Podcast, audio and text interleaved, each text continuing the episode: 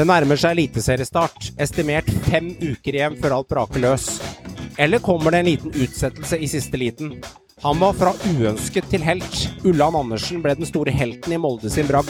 Velkommen til den 75. episoden av podkasten Synseliga. Dette dreier seg ikke om taktikk. Det dreier seg om å ville ta ut det du har i magen. Dere er gode. Skjønn at dere er gode. David Hansen!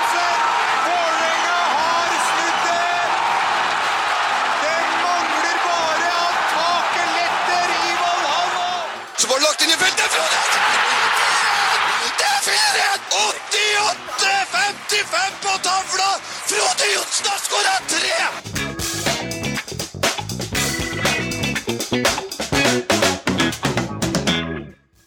Velkommen skal dere være, gutter. Vi er fulltallige i dag. Eller Tom er ikke med oss i dag, for han var med sist uke. Men Håvard, Joakim og Meran og Krog sjøl. Deilig å være samlet, vi fire. Meran, eh, jeg satt du så og knasket litt på en melkerull der. eh, Og så sier du til meg at du ikke ser ski, og det er jo sånn erkesport norsk. Men melkerull, som er en klassiker i norsk sjokoladeverden, den heter du. Ja, ja, det er sjokkis. Du nevnte ikke Big Mac-en jeg trøkka i meg rett før. Den så jeg ikke. Prøvde, det- prøvde å er verne, også verne sånn- lytteren om den. Det er jo er det også sånn skilandslagsgreie? Nei, jeg veit ikke det. Det er vel sikkert det òg. Det er sikkert noen av de idrettsgutta som tar en Big Mac i ny og ne når de er lei å gå på den treningsbølgen i mange, mange måneder. Det Jeg tror, jeg tror, jeg tror, jeg tror Sundby gjorde det mellom astma Mellom eh, hva heter det, Ventolinen sin, gjorde ikke det? Du er så på han. Eh, men skal jeg si en ting Ja. til deg, at jeg veit at Det er bare doping i den sporten, den sporten der. jeg vet at Maiken Caspersen Falla, som faktisk tok et sølv på sprinten, eh, sa at hun skulle hjem og spise med Big Mac. Men Håvard, men de må jo kunne unne seg det når VM er over og du går på huet og ræva ut av VM og egentlig blitt en helt som hun ble, da, på mange måter. Følger du med nå, Håvard, eller har du fortsatt klart å ha knappen på liksom off der, eller er du litt mer på ski-VM nå enn siste uka? Nei, eh, jeg hadde faktisk planer om å sitte meg ned og se litt i helga, men eh, det blei ikke til det allikevel. Det blei litt sånn eh, inn og sjekke litt på TV 2 og VG og se på noen høydepunkter. Altså, det er der jeg er på min interesse for VM, har jeg funnet ut. Jeg, jeg klarer ikke å sette meg ned når det er så nydelig vær ute, og da blir det heller ut og finne på noe med familien og jentene. og gjøre sånne ting isteden, og eventuelt sette på en fotballkamp. Og det er faktisk der trumfer det ski-VM for meg, altså. Det, det gjør det. Savner Tom Det er, litt nå. synd å, det er litt synd å si det, altså, for det er jo storeslem på medaljefronten her. Og, Ja, og gutta, gutta og jentene gjør det bra, men eh, hei, jeg glemmer det litt og har ikke helt den interessen, altså. Dessverre. Det, det, døde, det døde litt med Northug. Det gjorde det, Ja, okay. faktisk. Ok, Jeg merka Tom siste uke. Han følger godt med, men han følger jo med på alt. For han er jo sånn sportsorakel på å følge med, så han er dyktig på det. Ikke bare fotballen. Så jeg er vel aleine i den bingen der. Joakim, åssen har den siste uka vært for deg? Nei, den har vært fin, den. Jeg har ikke sett noe særlig på ski, jeg heller. Ikke du Jeg tror mye av det poenget, altså det som er med ski, er jo det at det blir liksom litt annerledes. For jeg tror man rett og slett Vi har vokst opp og er så godt vant at det er liksom, det er liksom ikke Du føler ikke Altså blir det ikke gull, så er det jo en katastrofe likevel. Så er det jo ikke Ja. Og ikke sant, jo, altså, Du veit det bare resser inn med gull. øh, men nei, altså, jeg fikk med meg litt fra sprinten. Fikk med meg litt fra herresprinten tidligere, så jeg fikk med meg Klæbu. Og det var gøy. Mm. Ellers så har det blitt lite ski. Og så vil jeg bare skyte en fort ting da, når det kommer til liksom at folk skal få lov til å unne seg noe. Altså Hvis Usain Bolt kan trøkke i seg ting på McDonald's, så kan alle store sports, eh, eh, sportsidioter gjør det, holdt jeg på å si. Det er. Uh, altså, det er ikke noe krav der. Det er et godt poeng. Altså, litt for meg, og så er det de tidspunktene. Altså. Det er så jævla Ja, midt på dagen. tidlig, ikke sant? Og hvis det er helt nydelig vær, så klarer ikke jeg å sitte inne en hel dag og se på TV. Altså. Da, da, dra, da må vi er gæren av at vi skal sitte inne hele dagen med full fres eh, her hjemme. Så da må vi ut og finne på noe. Og så får jeg heller se disse høydepunktene seinere. Altså. Det blir litt sånn. Men jeg, jeg må innrømme, jeg så på noe helnorsk da, i helga. Det har jeg aldri sett på før. Eh, jeg så på noe i helga, og jeg så på hver gang vi møtes. Og jeg må bare si en ting. Hanne Krogh, jeg er stupforelska i deg. Ja. Herregud! Jeg også har en skjult love gjennom tiden, men det som er det mest sjarmerende med deg, Meran, når vi satt og snakka over Snapchaten Jeg tror lytterne har godt av å høre det her, så vi får satt deg liksom litt åssen type du er, da, Meran. Litt svart-hvitt. Du skrev Ja. til meg og Håvard inne på Snapchat-kontoen, som er Synseligaen, som er en lukka gruppe for oss fire. Du skrev som at Gutta! Sjekk det programmet med Hanne Krogh på TV-en. Du skrev som at det var første gangen det programmet hadde gått på TV. Ja. Og så har det gått i, og så har det gått i ti år! I ti år! Du har sovet Ja, under du en stein, du. Ja, Du må ha sett på sånn, har du sett på sånn iransk. Har du sett på sånn iransk hver gang vi møtes? ja, Er, er, Fins det der? ja, det, Kanskje det fins der? jeg. Tror- Jeg tror hver gang vi møtes i indisk versjon, sånn Bollywood-versjon, hadde det egentlig vært ganske stilig. Der har det vært mye bra trøkk. Jeg, jeg må faktisk gi Maria Mena skryt. Eh, fader, hun leverer i hver gang vi møtes eh, sesongen her. Altså, fader, hun er sterk. Er Rett og slett sterk. Veldig sterk. Ja, og også, eh, vi kan innrømme vår, eh, vår eh, fantasy love, eller vår, vår skjulte agenda. Kall det hva du vil, Meran. Du har Hanne Krogh. Jeg også har jo en skjult uh, jeg, jeg tror jeg hadde, tror jeg hadde kvitta meg med samboer alt på dagen hvis denne personen her hadde møtt opp. Og uh, Inger Lise, Ryp, Inger Lise Rypdal for meg, det er, det er sånn at jeg, jeg, jeg smelter, liksom.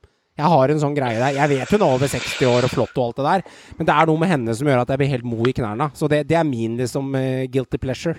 Så alle har Vi en tagger der. dem på Twitter når vi legger dem ut Ja, jeg elsker henne. Så skal vi snakke om en annen ting. Alt fra levere til ikke levere. Fra Maria Mena til Ulland Andersen. Altså, Dette er en fotballspiller Håvard, som eh, for fem-seks måneder siden, kanskje kortere tid siden nå, nesten ble sendt med panteflasker og 4000 og en termos til Bergen. Og så var det mye snakk om at eh, skal han dit, skal han ikke dit. Han var i hvert fall uønska i Molde. Og så går det fire-fem måneder, og så ser han ut som han er den store eh, vintersnakkisen i Fotball-Norge. Ja, vi elsker jo eh, sånne comeback som det her. Om du heier på Molde eller ikke, så, så må man jo sette pris på en sånn historie. Med en spiller som nærmest er avskrevet uh, fra altså Egentlig i Fotball-Norge virket han nesten sånn avskrevet. Hvem ender opp med Ulland Andersen? Er han ferdig på toppnivå? Osv. osv. Altså, han har jo ikke på en måte fått det til i Molde i det hele tatt. Og så plutselig, vips, så er det to kvalikkamper mot Hoffenheim. Han står med tre mål på to kamper. Og han ser jo like god ut nå som han på en måte gjorde i godsetida, den beste tida si i godset. Og jeg synes det er, eh, Vi må hylle Ulland Andersen. Han har tydeligvis gjort mye riktig i vinter.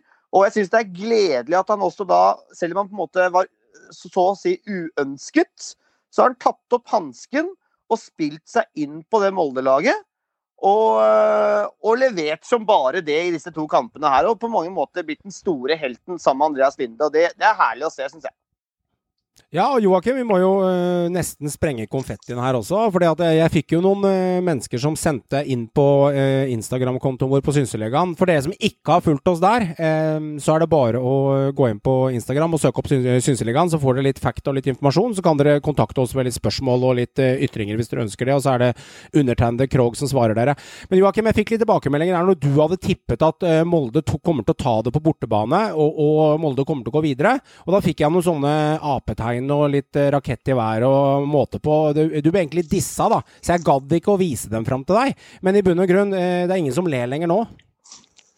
Nei, altså du kan gjerne vise dem fram til meg. Det, det, det hadde jeg tatt med godt mot, så det er helt OK. Men eh, nei, jeg vet ikke. Det er noe med altså, altså Det var fra starten av, og jeg sa det jo også fra starten av. Altså, Hoffenheim er ikke et skremmende fotballag. Det er absolutt et fotballag som er overkommelig. Eh, og det var litt det det var. Og så må du ha litt troa. Og det er sånn som Håvard sier tidligere. ikke sant? Det har noe med det at Nei, altså selvfølgelig jeg er ikke noen Molde-supporter. Jeg har aldri vært noen Molde-supporter. Uh, men det er jo alltid gøy uh, at norske lag gjør det godt i Europa. Det er viktig for Eliteserien, det er viktig for norsk fotball at norske lag gjør det godt. Og åttendedelsfinale i Europaligaen, det er ikke ofte man får et lag dit. Og måten de gjorde det på, var herlig. Nei, også, nei, altså, generelt sett å komme i sluttspill i en eller annen form av europacupene er jo det er veldig sjelden. Jeg vet ikke om RBK var sist, jeg. Nei, de har vært i 16-finale en gang før, Molde. Det har de. sa det en gang før. Ja, men ikke. Også, men så må jeg bare si da, og det første målet, litt tilbake igjen til det Håvard sier òg, det gode gamle Ulland Andersen. Det første målet er jo gode gamle Ulland Andersen. Ja. Det er jo en nydelig scoring. Altså, det er jo skikkelig curler'n opp i hjørnet, liksom. Det, det var herlig å se. Altså Det sjukeste med Molde, for å sette litt i perspektiv, dette vet jo folk, men jeg må bare si det igjen, for at de spiller faktisk da kun to treningskamper mot Brattevåg og Brann og, og eh, ikke får lov til å spille hjemmekampen sin i Molde engang. De spiller to bortekamper. Og likevel da så går de videre og vinner da 2-0 mot Hoffenheim. Og, og forrige hjemmekampen til Hoffenheim, for å sette det i perspektiv, det var mot Dortmund og Braut Haaland. Og da spilte de 2-2 hjemme mot uh, Dortmund. Og Molde slår de da 2-0. Så det er en vanvittig prestasjon. Dette her er ikke noe drittlag. Selv om de riktignok ikke er i toppen av Bundesliga, så ligger de ca. midt på tabellen nå. Så det er uh, vanvittig sterkt. Og de var kjørt, Molde. Så vanvittig første kamp. Og de har klart å hente seg til en 3-3 der, og nå vinner 2-0. Det er bare å hylle Molde. Og jeg synes at Det bør hele Fotball-Norge stille seg bak, og ikke på måte være sånn derre Jeg ser litt på Twitter og sånne ting, man liksom kommer med noe sånn skittkasting til Molde som klubb osv. Altså, glem det! Det er prestasjonen, den sportslige prestasjonen vi må hylle her. Og jeg syns det er smålig av andre fans å drive og rakke ned på Molde etter det her, altså. Men skjer det? Er folk der? Ja, det skjer. På Twitter, det skjer det. Det skjer alltid. Og det syns jeg er smålig. Her må vi stå samla bak. Og, og dette er viktig for norsk fotball. Det er en vanvittig prestasjon. Og, og jeg tror at Granada, som de møter nå, det er heller ikke en uh, umulig oppgave for det Molde-laget. Nei, men jeg er enig. Jeg er enig. Molde, Molde skal ha jævla mye kred. Og ikke bare Ulland. Ulland var definitivt den store spilleren. Sett begge kampene igjennom. For han var dritgod første kampen, han var dritgod andre kampen. Men jeg vil også trekke fram eh, Kall det muren bak, da. Sinjan var god. Linde var ekstrem. Linde var ekstrem. kampen. Ekstrem redda var Linde. Var Begge kamper. Han var sjuk. Begge kamper. Og, nei, altså, så må vi trekke fram hele laget. da. Det var en vanvittig lagprestasjon. Og med de tøffe vilkårene Molde har hatt, uten som Håvard var inne på i stad, med lite treningskamper, og er i Spania. Eh, så, så nei, det er bare å ta av seg hatten og skoa og undertøyet for Molde. Det var en vanvittig sterk prestasjon. Må si én siste ting, og du trakk fram Sinjan, Meran. Veldig godt poeng. Molde stilte da med venstrebekk, Birk Risa Ja. og Sheriff Sinjan som stoppepar. Altså det, Mm. De har aldri spilt sammen som stoppere. Ikke sant? Og de leverer en praktkamp, begge to, sammen da Linde Ja. bak og hele laget. Så det må man sette litt i perspektiv her, altså. Det er to ganske unge, urutinerte spillere, og Risa spilte da stopper. Så det, det er eh, meget sterkt. Det verste er at jeg syns at Molde de var jo mye bedre i denne, i denne kampen her enn de var i første kampen. Altså, de, de, de er fullt på høyde. Kunne skåret er- flere mål òg. Det Det det. er det verste. Definitivt. Jeg er helt enig, og det, men det som er litt artig, da, som jeg plutselig ble til merke til, og er litt sånn, hvor jeg liksom lurer på hvor alle reglene kommer inn i, er at Molde drar til Spania for å spille mot Hoffenheim, mens Real Sociedad i Spania de drar til Italia for å møte Manchester United. Og da sitter jeg liksom og lurer på hva jeg, jeg er ikke sikker, for jeg har ikke, jeg har ikke lest meg opp her. Så hvis noen vet hvorfor dette var en fornuftig fordeling å gjøre det på, er det pga. at akkurat den delen eh, der hvor Sociedad spiller, der er det problematisk i Spania? Riktig. Madrid, ja. Ja, Riktig. ok.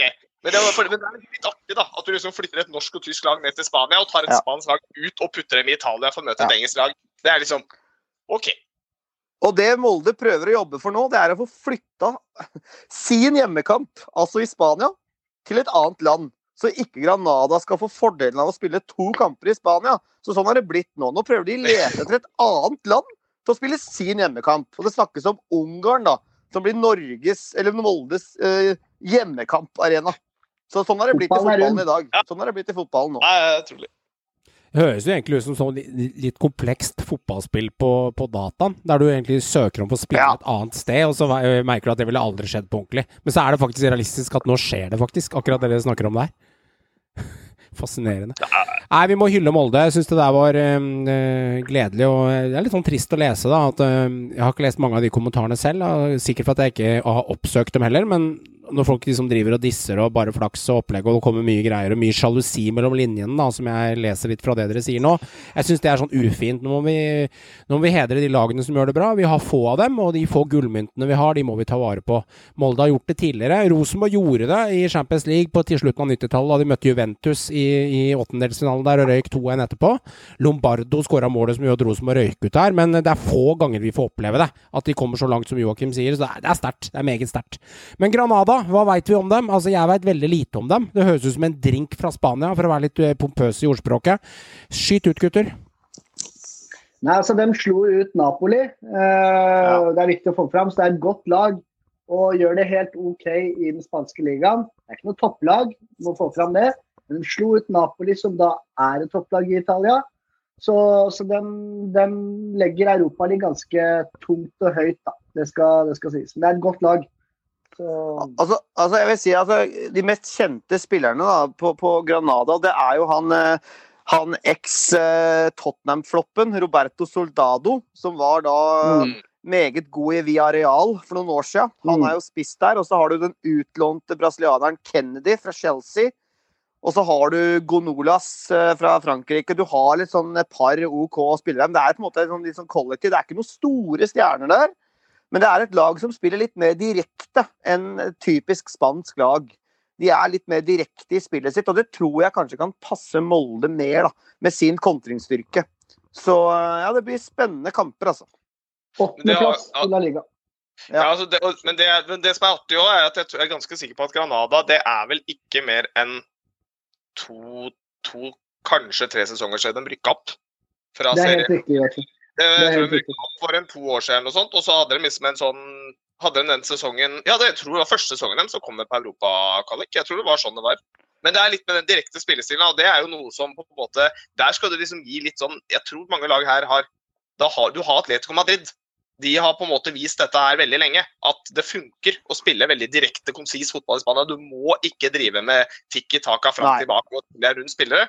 Eh, Det fungerer mer enn godt nok for en nei, Atletico Madrid, for å si det sånn. Det ser man jo på tabellen nå. Eh, Mm. Men det har liksom bana vei for en del eh, lag, og det mest interessante er at du, kan få, du har begynt å få konkurranse der. Og det er klart, Granada, du skal ikke kødde med et lag som havner så høyt opp, på samme måte som Hoffenheim. Altså, ikke sant, Primera er det samme som Bundesliga, det er heavy ligaer. Altså, altså det er klart Disney spiller mot gode lag hver eneste runde. Men jeg er enig med Håvard. Det er ikke et lag som Kan du slå Hoffenheim, så kan vi, kan de, Ja. vi jeg da, Det blir gjerne sånn når du spiller norske lag spiller i Europa, så liker jeg å bli litt sånn vi. Da sånn kommer nasjonalfølelsen din. Da blir det litt sånn der hipp hurra. Men Ja. da kan de slå um, Granada, det er ikke noe tvil om engang. Men for å si det sånn som Meran også var inne på, det er ikke noe, det er ikke noe miniputt de slo ut. De Nei, slo nei, ut faktisk Napoli, Napoli. Så ja. De er kom vel fra ligg, gjorde de ikke det? Jo, det er knallsterkt. Det er knallsterkt, men jeg tror, jeg tror helt ærlig Molde har muligheter, altså. Det, det tror jeg. Det er muligheter. Selvfølgelig er det muligheter. Jeg tror, ikke, jeg tror ikke Granada heller eh, gråter på bussen av å trekke Molde, uh, hvis du skal Nei. se det med dem sin. Nei, men de gjorde ikke jeg Hoffenheim heller. Nei, nettopp. Så, men sånn er det jo. ikke sant? Jeg tror også de er fornøyde og ser sitt snitt og går videre her. Så dette blir spennende. Absolutt. Sånn er det. Men eh, ok, fra litt gode nyheter til litt triste nyheter. Ulland Andersen har jo snu, mynt- mynten har jo snudd helt for han de siste tre-fire månedene. Men så kan vi ta en annen spiller, da. Vi kan jo starte hos deg, eh, Joakim. Det brister vel litt. Grann. For en måned eller to siden så snakket vi om Salvesen. Var det big hotshot og kanskje på vei til Bodø-Glimt for en måneds tid tilbake. Og var en spennende spiller som egentlig tenker at 2021 kan bli en glimrende sesong. Og så sitter vi her nå 1. mars, eh, andre, tredje, fjerde, spørs når du hører denne episoden, kjære lytter, og tenker at oi, sesongen er spolert. Det var det eventyret for 2021. Dine tanker, eh, kjære godsefan? Eh, Jeg skal gå rett på det. Jeg må bare skyte fort inn så vi ikke bare arresterte her. Napoli var ikke Champions League i år. Det er veldig viktig. Jeg har Ja. gjort litt research nå. Det, det var ikke Champions League i år. Men okay, okay, okay. ok. uansett, det står. Det er bra, Eh, nei, men, altså, det- fakta, det er jo- fakta Ja, nå, er bra. det er greit å få det på bordet først, for en eller Ja. annen hadde kommet med dette spørs sagt dette er at det er feil. Så det er greit at da har vi det liggende. Riktig. Uh, Men eh, nei, uh, det er, altså, det er jo kjipt. Altså, eh, på et godselag som da sitter igjen nå med en Moses Mava som ikke leverte eh, egentlig noe så, så, nesten noe som helst i hele fjor, og en Fred Friday som så ut som han hadde så ut som han hadde spist mye Mækkern de siste åra når han spilte selskapet mot uh, England, for å si det sånn. Han er ikke kampklar. Uh, det er vel, altså jeg, vil nesten, jeg vil ikke gå helt i Joakim Jønsson-modus, uh, men han hadde noen poenger.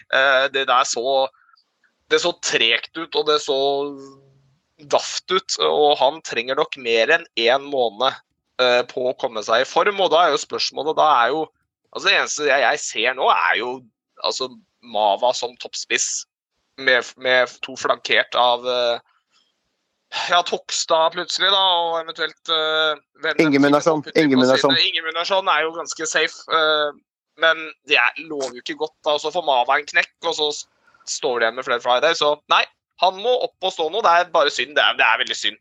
Eh, med den avslutninga han hadde i fjor, så hadde jeg jo faktisk troa på at Salvesen faktisk i år kunne finne godformen litt tidligere.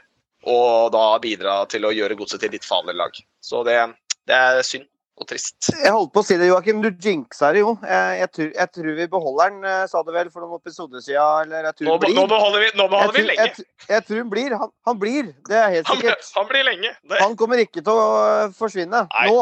Eh, Men det er jo faktisk potensielt uh, nesten karrieretruende, altså. Det, det er uh, Han har, han har, han har ryket korsbåndet i 2017 også. Og nå gjør han det igjen. Og han har har jo breaka litt de siste åra nå, fra å være en litt sånn obospiss til å på en måte virkelig presentere seg da, på, på godset. Så det er jo veldig trist, og kanskje økonomisk for godset også, som sannsynligvis hadde casha inn ganske bra med penger på han også, da, fra, fra aktuelle klubber både fra utlandet, men, men også Glimt, som har vært på. Og ikke minst sportslig nå på kort sikt, fordi som du sier, Fred Friday han er langt unna noe kampform. Og uh, dette her er bare trist, syns jeg, rett og slett, for godset og, Ja. og, og Salvesen sin del. Og dette her, godset tror jeg må ut på markedet og hente en ny spiss. Det tror jeg er lurt. Og det er jo et problem, da. Fordi det er jo ikke spiss vi skal hente. Nei. Det er jo det. Altså, vi må ha orden på forsvarsrekka vår. Uh, og det får vi ikke ved å hente en ny spiss. Men uh, så Nei, det er er dette eh, en perfekt mulighet nå for at Mava kan bli drilla mer som midtspiss, hvor han egentlig spilte før han kom til godset? de må jo det. Altså, det er jo De må det. Du må ha en ving, da, i så fall. Nei, men de har en del vinger. eh, Og det, jeg Ja. tror at det eneste problemet er hvis Mava blir skada også. Eller forhåpentligvis så kommer jo Fred Friday i form. Vi må jo bare satse på at han kommer i Ja, ja, form. At selvfølgelig. Selvfølgelig. Jeg tror Henrik Pedersen og godset håper på utsettelse nå, jeg. Ja. På Ja, seriestart. For å være helt ærlig, så de får mer tid til å få godeste Fred Friday i form. Eh, fordi han eh, så litt Han så tung ut. Men Fy faen, for en kjip, men kjipt for Salvesen, ass. Når jeg setter meg inn i det Hvis du har litt hvis du, har litt varme, hvis du har litt varme for andre mennesker, så er det forferdelig kjedelig. Altså, Jeg bare prøver å sette meg inn i hodet hans. Jeg så for meg 2021-sesongen skulle bli helt konge, og han ønsket av flere klubber. Og var med utenlandsklubber på, på nakken hans. Og så plutselig så kommer den her, og så bare ryker eh, ja, Åh, nei. Det er tragisk. Ja, det er utrolig trist. Det er jo det. Ah. Det er kjempetrist. I helt feil alder òg, vet du. Det er jo helt feil alder. Det er jo, altså, det er, det var, det er jo altså, Han blir ikke solgt til utlandet etter den Nei. sesongen. Det- Som sagt, det er potensielt karrieretruende. Det er det. Du blir værende i Norge, i hvert fall. Han kan godt være han holder seg i Norge, men han kommer ikke mer ut. Det er synd. Ja, Og det er jo litt trist. ja, det er ikke litt trist. Det er eh, Jeg syns det er veldig kjipt, liksom. Det er tross alt jobben hans og yrket hans og alt det der. og Nei, dette er forferdelig. Han hadde sikkert større tanker om det året her enn å ende på skadestua på Drammen sykehus eller hjemme, hjemme med opptrening. Gutter, en annen kanskje litt trist nyhet. er Meran, Meran, du skulle si en, eh, en liten der. Jo, det hadde litt, dessverre litt flere dårlige nyheter. Eh, Ja. En som er like gammel eh, som Salvesen, Lukassi, min favorittspiller, er også ryket da leddbånd og korsbåndet selv i en internkamp. De venter på prognosen nå.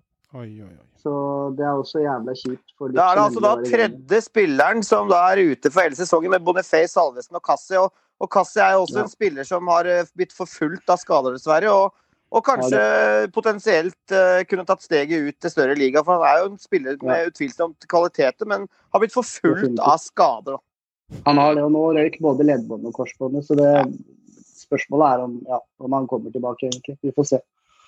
Jeg startet jo int- introen da, gutter. Det er vår 75. episode. Det er jo litt sånn eh, 25, 50, 75. Neste er vi 100 som milepæl, og det er hyggelig det med 75. episode. Men jeg startet introen med å nevne at, eh, at eh, det kan hende det blir en liten utsettelse på Eliteserien. Det skal være et lite møte der rundt den 15. mars.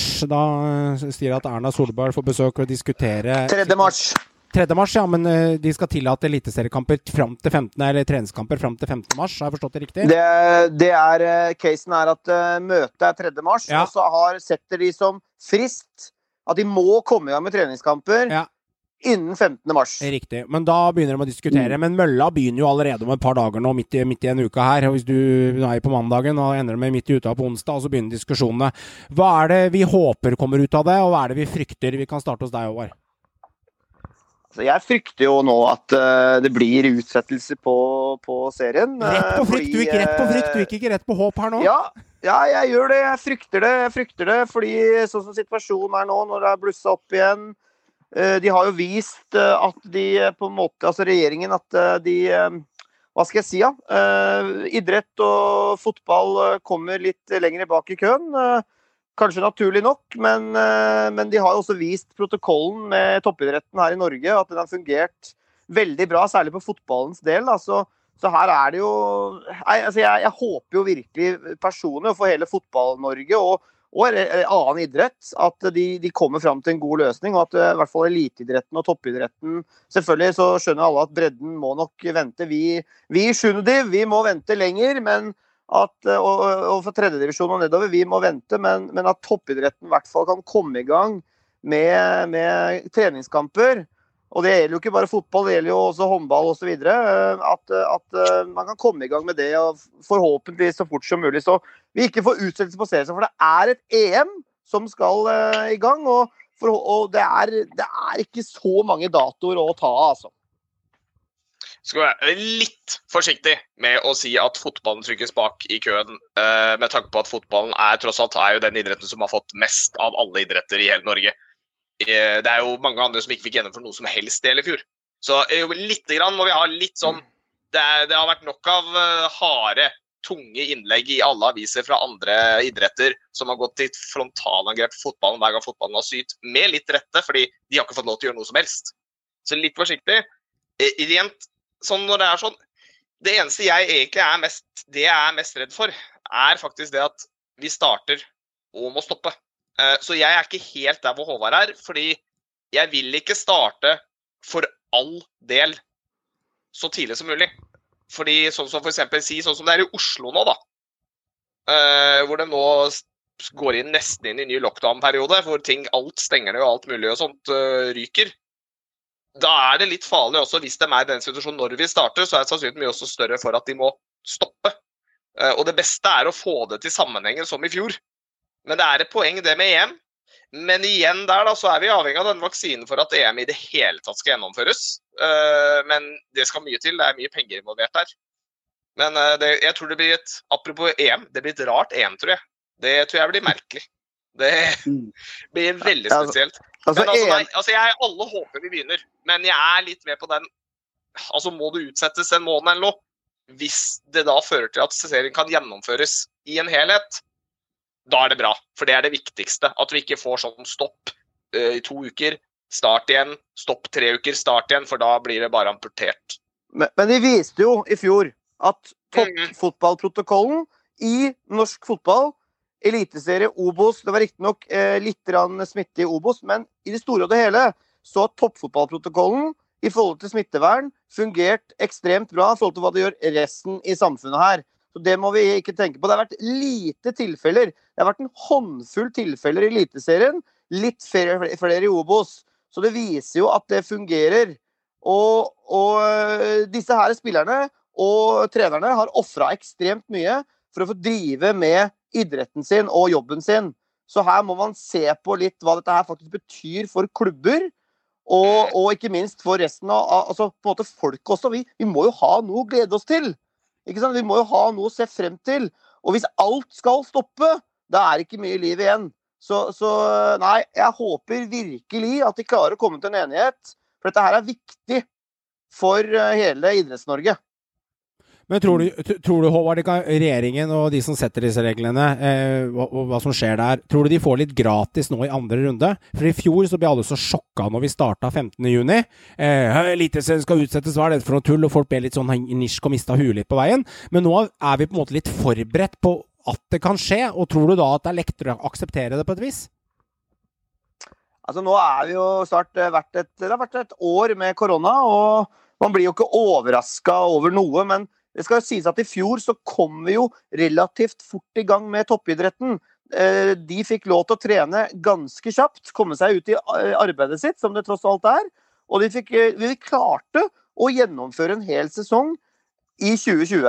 Altså på, på, vi klarte det. Selv om vi spilte fram til jul, så klarte de det. Men de vil jo selvfølgelig unngå at det skjer igjen. At ikke vi skal spille fotball til juleribba står på bordet. Ikke sant? Så, så derfor, og det er et EM, som Joakim er inne på. Det er store penger involvert. Eh, vi kan ikke spille masse eliteseriefotball midt oppi EM. Eh, det, det, kan kanskje skje, det også, men, men, det blir vanskelig.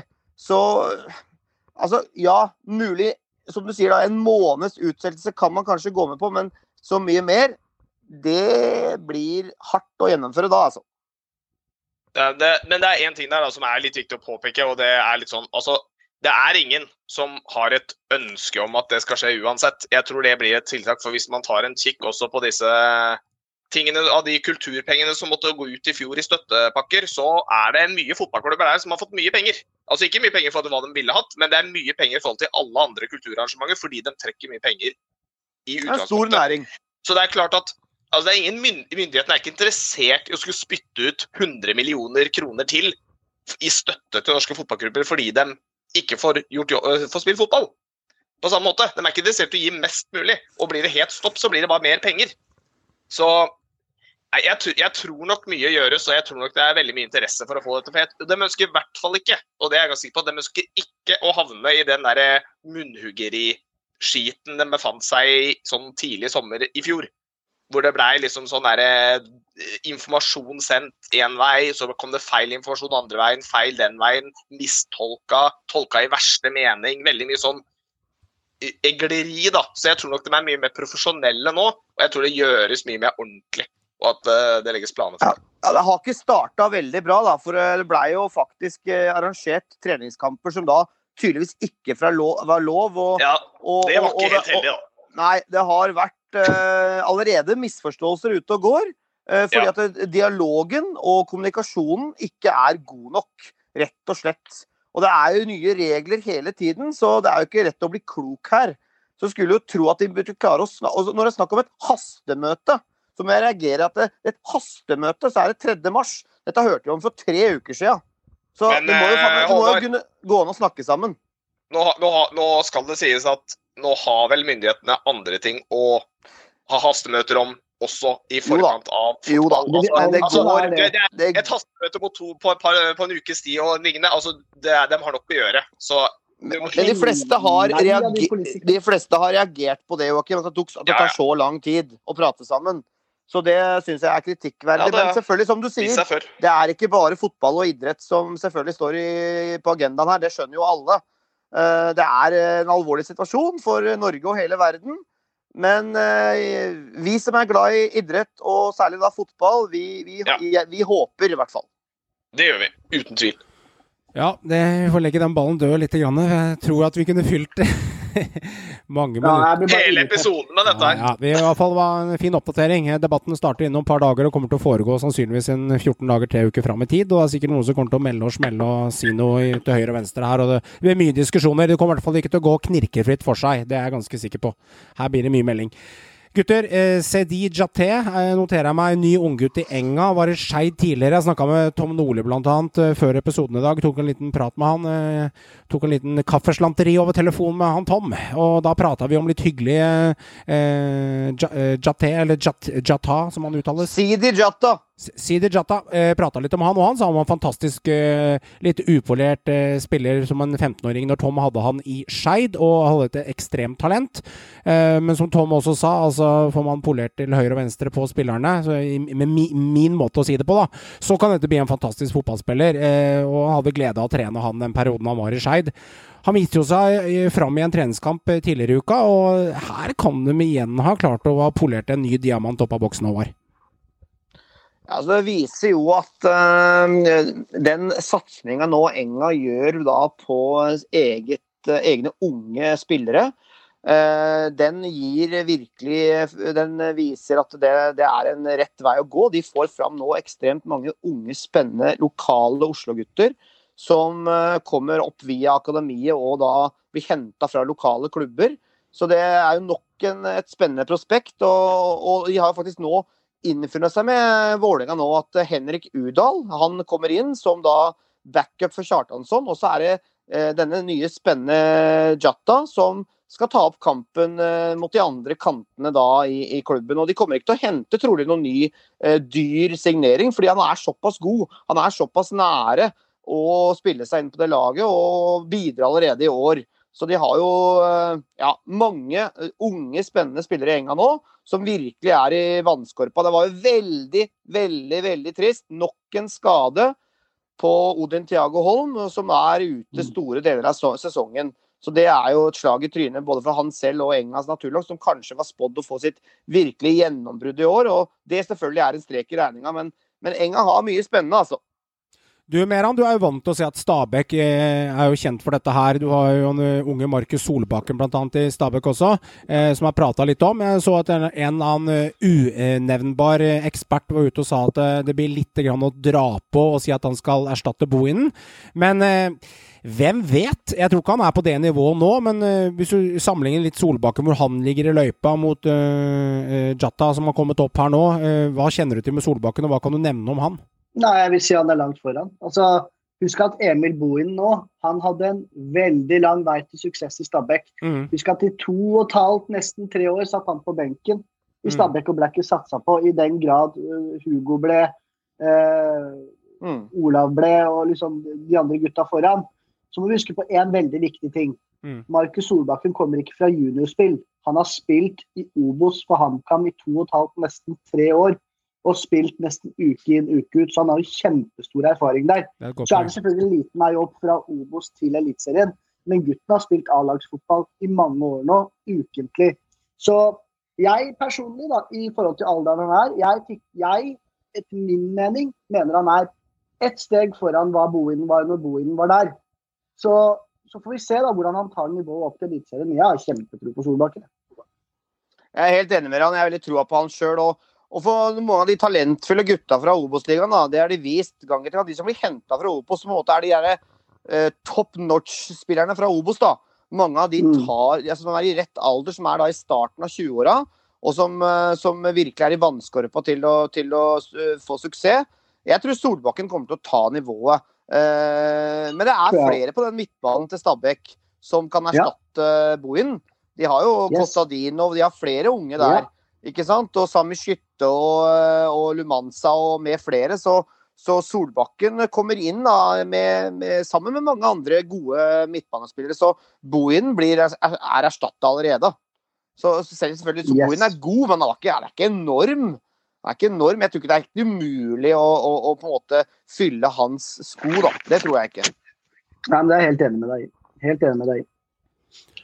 Ja, det er spennende. Det er, jeg liker dette her at det er mange unge som uh, kommer opp fra vannskorpa. Det er jo litt sånn med, uh, litt, litt sånn med um, Når du ser på uh, Markus Solbakken der, så er det Altså, er det noen som klarer å forvalte noe sånt nå, så er det jo Stabæk. Altså, De har jo vist det før. Hadde han kommet til Rosenborg, så hadde jeg vært eh, skeptisk på han hadde lagt opp og begynt på Rema 1000 året etterpå. For de har jo klarer jo ikke å forvalte en dritt, for å være litt rett fra levra. Og grunnen til at jeg kom med den kommentaren og disse min egen klubb, er jo fordi at de har hatt ganske mange eksempler på unge spillere de siste årene som jeg, som jeg syns sliter med å ta steppet ut. da. Så det er kanskje beste utviklingsarenaen å komme til Nadderud. Jo, men det er det jo. Det er derfor han går til Stabæk òg. Litt pga. forutsetninger, litt pga. historikken. Og så er det jo sånn at det, er han veldig klar på, og såpass god er nå, at Stabæk er bare et mellomsteg. Han skal fortest mulig ut. og Da må han fortest mulig prestere på det nivået han er på, sånn som han har gjort i HamKam.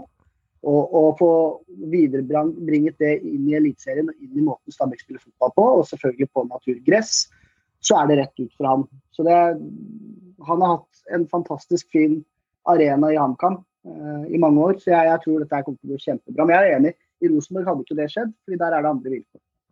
Men vi skal, vi skal nok ikke forvente at uh, Markus Solbakken kommer på rundens lag uh, annenhver runde. Jeg tror ikke det er der vi er, men at han kan gå inn og gjøre en jobb allerede nå.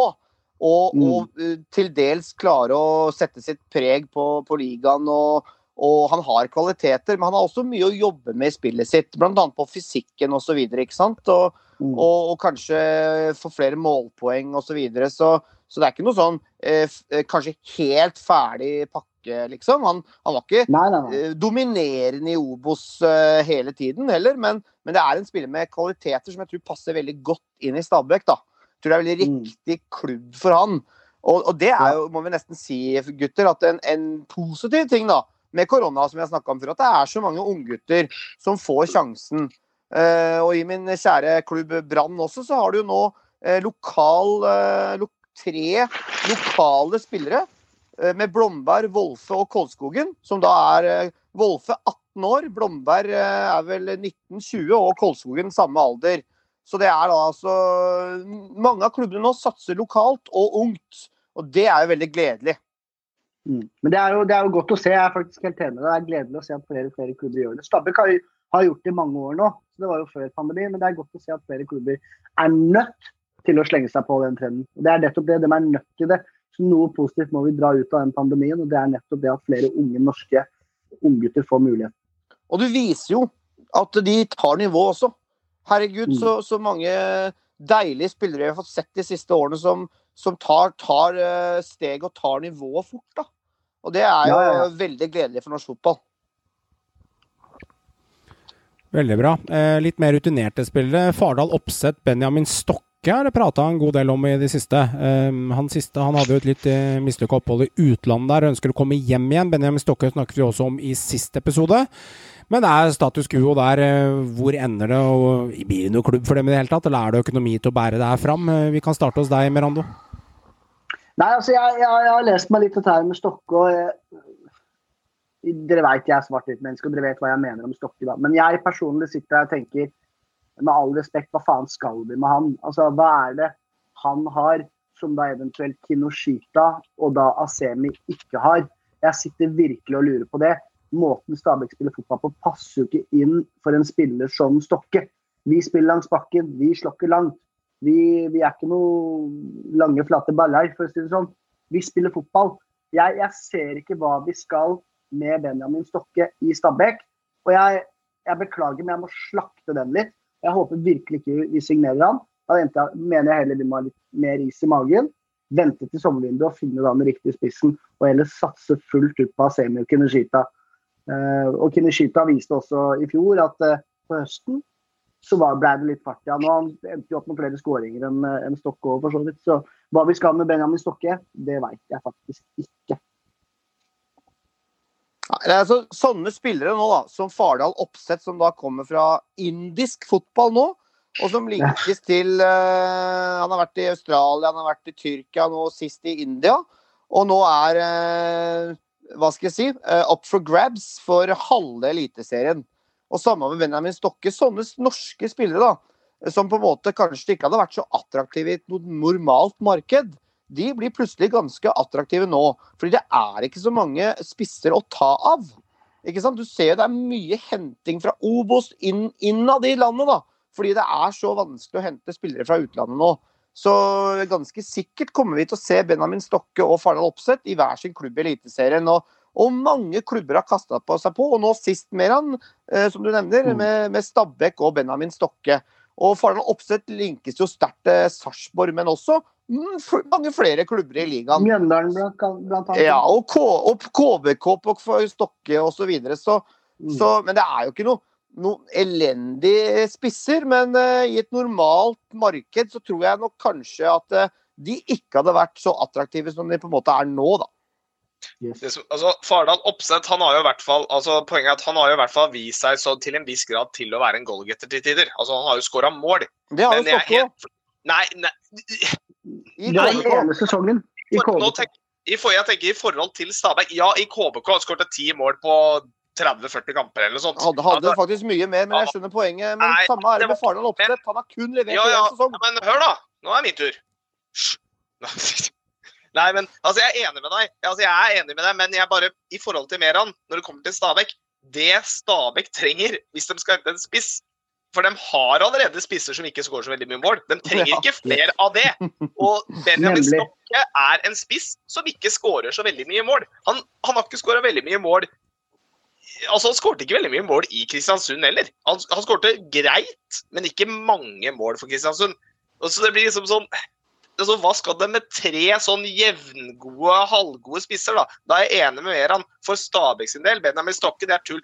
Godset kan hente Benjamin Stokke, for det mangler jo bare en eller annen stallfyll. Et eller annet de kan putte på hvis uh, Friday er eh, sliten etter Big Mac-en og Mava er skada. Så Godset trenger Godset må ha stallfyll. De må ha en som kan være tredjespiss, bare som det kan dukke innpå til slutten. Men Stabæk de må ha en goalgetter. Og det er ikke er. Benjamin Stokke, og det er heller er ikke. Kristian Fardal Opseth. Jeg er enig, men Kristian Fardal Opseth har noe Stokke ikke har. Fardal Ja. Han tok målrekorden i Obos, og han tok Nanskog sin gamle målrekord fra 0-5 i, i Obos der. Eh, og Det er viktig å få fram. Gutten kan skåre mål, men han har Ja. bare hatt en merkelig reise. Enig. Jeg er helt Men enig. Fotball er ferskvær. Nå skal jeg bruke det der litt sånn eh, eh, o- Det der litt sånn klisjéaktige ordet der. Eh, han har vært nå på en rundreise i da Tyrkia, Australia og India og knapt skåra mål. Og nå er han 31 år. Og eh, ja Det er på den hylla der nå at norske klubber på en måte må lete. og For de tør da kanskje ikke å ta sjansen på en eller annen utenlandsk eh, spiss som de ikke kjenner til. Så derfor er det for, Kan jeg ta en brannovergang, Johan? Er det innafor? Eller kommer vi tilbake til det seinere? Bare prat, du, min gamle venn. Kasper Skånes. Kasper Skånes eh, er jo da klar for mitt kjære Brann i dag. Eh, nok en spiller som hentes fra et lag som rykker ned. Ja. Eh, veldig fint med lokal spillere og alt det der, men, men vi må jo være ærlige. Karrieren til Kasper Skånes har jo ikke akkurat tatt av. Det er en spiller som da ikke har prega et lag som da rykker ned. Har ikke vært fast på start. Og han hentes nå da til Brann. Eh, som da trolig muligens siste spiller inn. Som skal være med å konkurrere da eh, på den midtbanen som, som Kåre, skal, Kåre og Eirik Horneland skal sette opp. Og eh, det er altså den hylla der eh, spillere blir henta fra nå. og sånn, Det markedet er tøffere enn jeg trodde nå, altså for norske klubber. For nå, nå er det faktisk ikke så mye å dra av på hatten. Det er Kasper Skånes, Benjamin Stokke og Christian Fardal Opseth som klubber må slåss om, liksom. Så nei, altså for å sette det litt i perspektiv, det er litt der vi er, tydeligvis, da. For, for å si det sånn, eh, Håvard. Det er litt artig ting. For når dere skrev om dette på eh, denne gruppa vår, så, så tok jeg til Wikipedia-søk på Skånes. Og han er ikke engang, altså Bildet hans der er ikke engang et fotballbilde. Det er et sånn 17. mai-bilde hvor han går i tog. Og det er sånn, så, altså jeg tenker bare sånn, det, det sånn Han har ikke engang Det er ikke en drakt på! Han Men- går i dress i et det- tog på 17. mai. Og det er sånn bare sånn Ja, fotballspilleren. Ja, det er det mye som tilsier. Men- Men Kasper Skånes ser ut som han går i sånn evig 17. mai-tog. da. Han ser jo ikke eldre ut Ja. enn eh, 16 år. Nei. Fortsatt. Han Ja. gjør jo ikke det. Men nå er han 25, kanskje- 25, nå er han 25 men eh, for å ikke Det slakte var, han totalt, da. det Ja, ja. Det var enten det Ja. eller russedrakt, vil jeg bare si. Det var liksom Ja, de to tingene ja. må det velge Men, for ikke, men han er lokal, og han, eh, han, Ja. har, eh, han har noe ved seg. Han har, han har tempo i beina, og han er, han er eh, relativt god med ball, men mangler sluttprodukt. Men eh, Kåre ville ha inn en, en Petter Strand-kopi, uh, og, og med, med, med fart i beina, som kan spille indreløper i 4-3-3. Og, og den rollen kjenner da i hvert fall Kasper Skånes. Og det er jo en, en Han var jo sett på som et supertalent, faktisk, back in the days. Han, han debuterte jo som 16-17-åring for Brann, men det tok liksom aldri av. Og så har han vært en tur i Kristiansand og ikke helt fått det der. Og nå er han tilbake til, til Brann og, og Bergen. Så, så får vi se. Men jeg må innrømme jeg er skeptisk. Eh, Jeg hadde håpa at det, det kom en spiller inn fra en litt annen hylle. Det er ikke spenstig, dette her. Nei, det er Det er ikke ikke krydder, altså. Det er ikke sexy. Det er ikke det. Nei, det er ikke sexy. Lite På ingen sexy. måte. Ja, herlig å høre på dere pr prate. Jeg sitter bare og observerer og fram og tilbake. Og eh, Skånes, eh, enig, ikke sexy. Det er litt som å kjøpe seg Kjøpe konfekt til mora di til bursdagen, eh, Joakim, og så ender opp med den der Svinks-konfekten til 79. Jeg skulle akkurat til å si det Svinks, altså. Jeg veit! Det er Svinks. Den er god, men det er kong Haakon Ja. mora di ønsker seg, liksom. Det er, det er litt sånn Eh, Det er kjedelig, vet du. Det er bøttekjedelig. Men, Men, eh, men mer, nei, med all respekt for deg, Meran, veit du hva det er for noe? Eh, Ja, konfekt? Selvfølgelig veit jeg det. Jeg må bare sikre jeg må, bare- jeg må bare, jeg må bare sikre. Men for, men for all del, for all del, jeg syns det er hyggelig med lokale bergensere som kommer tilbake til Brann og Bergen. Og eh, helt nydelig hvis Kasper Skånes lykkes. Men jeg må innrømme jeg er litt skeptisk. Altså, at det er der den hylla vi henter på, som liksom skal ta dette laget opp fra 10. til 13. plass. Ikke sant? Det er der vi er nå. Uh, ja. Jeg hadde håpa på noe mer, altså. Ja. Jeg skjønner det. Det håper vi alle. Eh, Karin-interesse? Du, Den spiller jeg ikke har sett så mye, men Tom har jo prata gode ord om den. Eh, men, eh, men Karin i Lillestrøm snakker om at han kunne man allerede solgt i januar-februar her. Det var god interesse. Og mange mener han er for god nok for, eh, altså for god for Eliteserien, uten at vi har sett et skvett av han enda. Eh, deres tanker om han, gutter, og hva bør Lillestrøm gjøre her? Jeg tror Lillestrøm skal sitte rolig i vogna ja, og, og vente og se hvis det blir et EM-sluttspill. For han, eh, hvis han gjør det bra da, fram til EM, så vil han trolig komme med i troppen til Finland sammen med, Branns Robert Taylor. Og er du med i et EM, så har du muligheter til å cashe inn hvis han eh, spiller seg inn og gjør det OK. Så eh, Lillestrøm klarte jo å hente han her på permanent overgang. Og dette var jo en spiller som bare for noen år siden ble prisgitt en 10 millioner, som jeg har vært inne på før. Som ikke var i nærheten av den prisklassen Lillestrøm kunne hente spillere fra. Så det sies jo at Karin Men han fikk det ikke til i Midtjylland. med Bra Midtjylland-lag. Han fikk aldri tilliten der. Mm. Veldig mange spillere som blir lånt ut fra Midtjylland, og som ikke Mm. klarer en av det er tross alt Champions League-lag, Midtjylland. Det er, det er nå Danmarks beste lag. Så eh, Nei, utvilsomt et talentfull spiller, men vi får se, da. Det er stor forskjell på Obos og Eliteserien, så vi får se hvordan han tar nivået. Men at utvilsomt en spiller som er veldig spennende, og var veldig veldig god for Lillestrøm, særlig på høsten. Hei sann, det er Lars Jørgen Salvesen fra Godset her. Nå er det tid for quiz, gutter. Spiss ørene, gjør dere klare. Nå skal det kjempes om poeng. Gutter, da er det quiztime. Det er Oi, ja. det er, Ja, ja, ja, ja, ja. Og for å pynte quizen litt opp i dag, så har jeg gjort en liten vri her også. Eh, dere Er får Er det. DumDum Boys i dag, eller? Men I dag er det DumDum Boys og de der-quiz. Eh, Men dem har du hørt om mer enn DumDum Boys? Nei, jeg måtte google meg fram. Hva heter, vok hva heter vokalisten i DumDum Boys, da? Jeg vet da faen. La meg gjette! Vent da, la Det er en liten quiz før quizen her. Hva er vokalisten Ja, i DumDum ok. Boys? Hvis Jo Nesbø, som er forfatter, var i de derre, så tør jeg da å si Tor Erling Staff. Ja, OK. Greit, du er så langt på Gammel advokat. Altså, det jeg, jeg, I shit. Mm. Bare gi meg fotballspørsmål.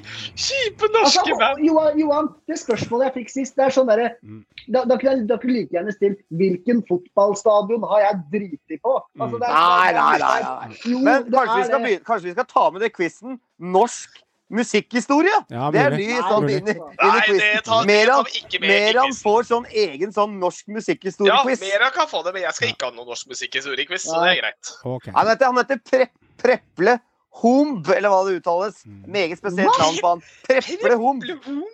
Men uansett, det får være. La, Eh. la han ligge. Vi skal ikke dra opp alt fra Ja, ja. Satyricon til Seiman med Nei, slaver av solen på 90-tallet nå, liksom.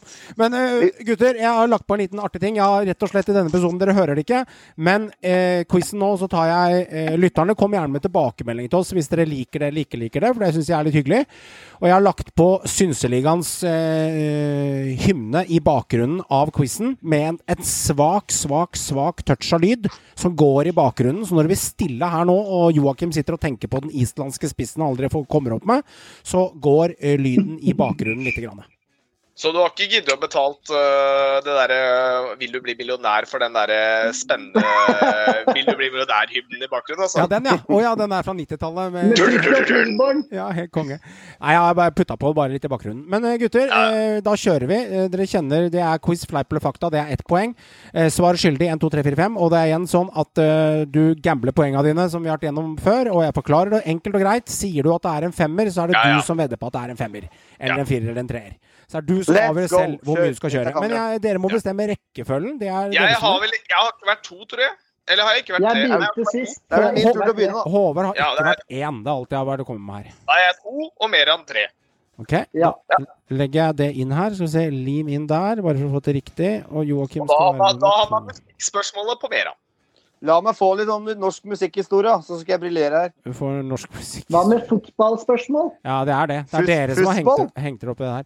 Poengsummen, gutter. Håvard, du er nummer én. Joakim er nummer to. Og Merando, du er nummer tre. Og Håvard leder quizen med at dette, dette var litt hyggelig lesning. Håvard har 28 poeng. Meran har 23. Og Joakim, du har 20. Jeg tenkte liksom han har 7, men nei da, han har 20. Han er med. Jokke henger med, altså! Han er med. Det er bra. Ok, Sagmoen, Jeg føler, jeg, jeg føler meg liksom Lester, jeg nå. Kan, kan det holde helt inn, eller ryker jeg Ja. Du ligger på sisteplass, det er jeg tar faen i. Det er litt Aston Villa over det dere driver med her nå. Det er litt sånn halvveis. Det er som Sheffield United i fjor, tenker jeg. Ok. Fleip eller fakta? Joakim, du får tre påstander av meg. Eh, har eh, Petter Håvard skal begynne. Ja, beklager. Eh, da starter vi med Håvard. Eh, da, da blir det fortsatt samme spørsmål, siden det står Håvard først. Eh, Håvard, har Petter Kovacs over 100 mål i norsk fotball? Oi, over 100 mål, faktisk. Fleip. Det er feil, det har han. Han har Hvor mange har han? Nei, han har 125 eller et eller annet sånt. Han har bare for gods. Du vet ikke, du jo, bare- Nei, jeg veit at han har det. Jeg regna jeg, jeg kom til 105, så slutta jeg å regne. Ok, greit. Så han har over 100 mål. Jeg jeg gidder ikke alltid å skrive nøyaktig svar eh, på alle. Nei, det er litt artig å vite, da, men ja, greit. Men Håvard, du, Håvard, du får det i 86% av alle tilfeller, men ikke i dag. Ja. Ikke i dag. Jeg skjønner. Ikke Eh, ikke på denne. Eh, Grorud rykket ned i 2020 fra eh, Obos. Eh, Grorud rykka ned i Nå må jeg tenke her. Herre min hatt. i fjor. Altså, spiller de Obos i 2021, eller spiller de uh, Post? Uff. Min men- påst- min påstand er at ja, de- ja, ja, de ja, jeg skjønner. Jeg må bare resonnere meg fram litt her. Uh, de eh, rykka ned. Fleip. Det gjorde de ikke. De overlevde. Hell, de gjorde det! Er det mulig? Ja. Det var svakt. Rosenborg viser frem eh, i logoen sin, på typiske Rosenborg-logoen, eh, hvilket årstall de ble etable- etablert. Uff a meg. Ah, det er jeg dårlig på, altså. Det blir det smultring på disse her tre her, tror jeg. Eh, 1886. Nei, det er en påstand. Fleip eller fakta. Min påstand er at Rosenborg, er det eller? Rosenborg viser frem logoen sin. Hvis du er enig at de viser frem logoen sin i eh, tallet når Rosenborg er etablert Hvis du er enig i det, så sier du fakta. Min påstand er Å, ja. at Rosenborg viser frem når de er etablert med årstall i logoen sin. Det mener jeg at de gjør. Ja, er du enig i det, eller er det, kødder jeg med deg nå? Fakta er det.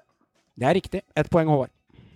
OK, da var det ett, da. Men uh, Grorud ja, de rykka ikke ned, det stemmer det. Det var Stjørdalsblink som også Det var nesten. men, uh, Kongsvinger, blant annet. Det var, like, det var like før der. Det var, det var, det var svakt. Det tar jeg selvkritikk på. Ja, du kunne det ikke. Ferdig. Og da er det ikke poeng, da. Så Nei, jeg, bo, jeg bomma. Jeg bomma. Uh, Joakim, Det er din tur. Er du klar? Ja. Eh, Daniel Berg Hestad fikk aldri landskamper for Norge.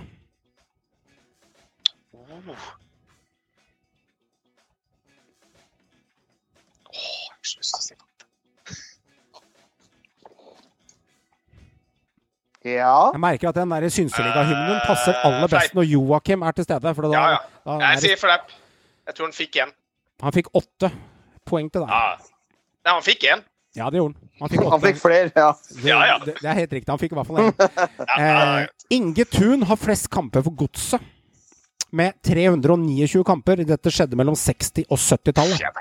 Ikke dette, jeg, egentlig. Jeg har jo ikke lest meg opp på sånne gamle folk, jeg. Inge Thun. Ja, det er jo mye mulig. Uh,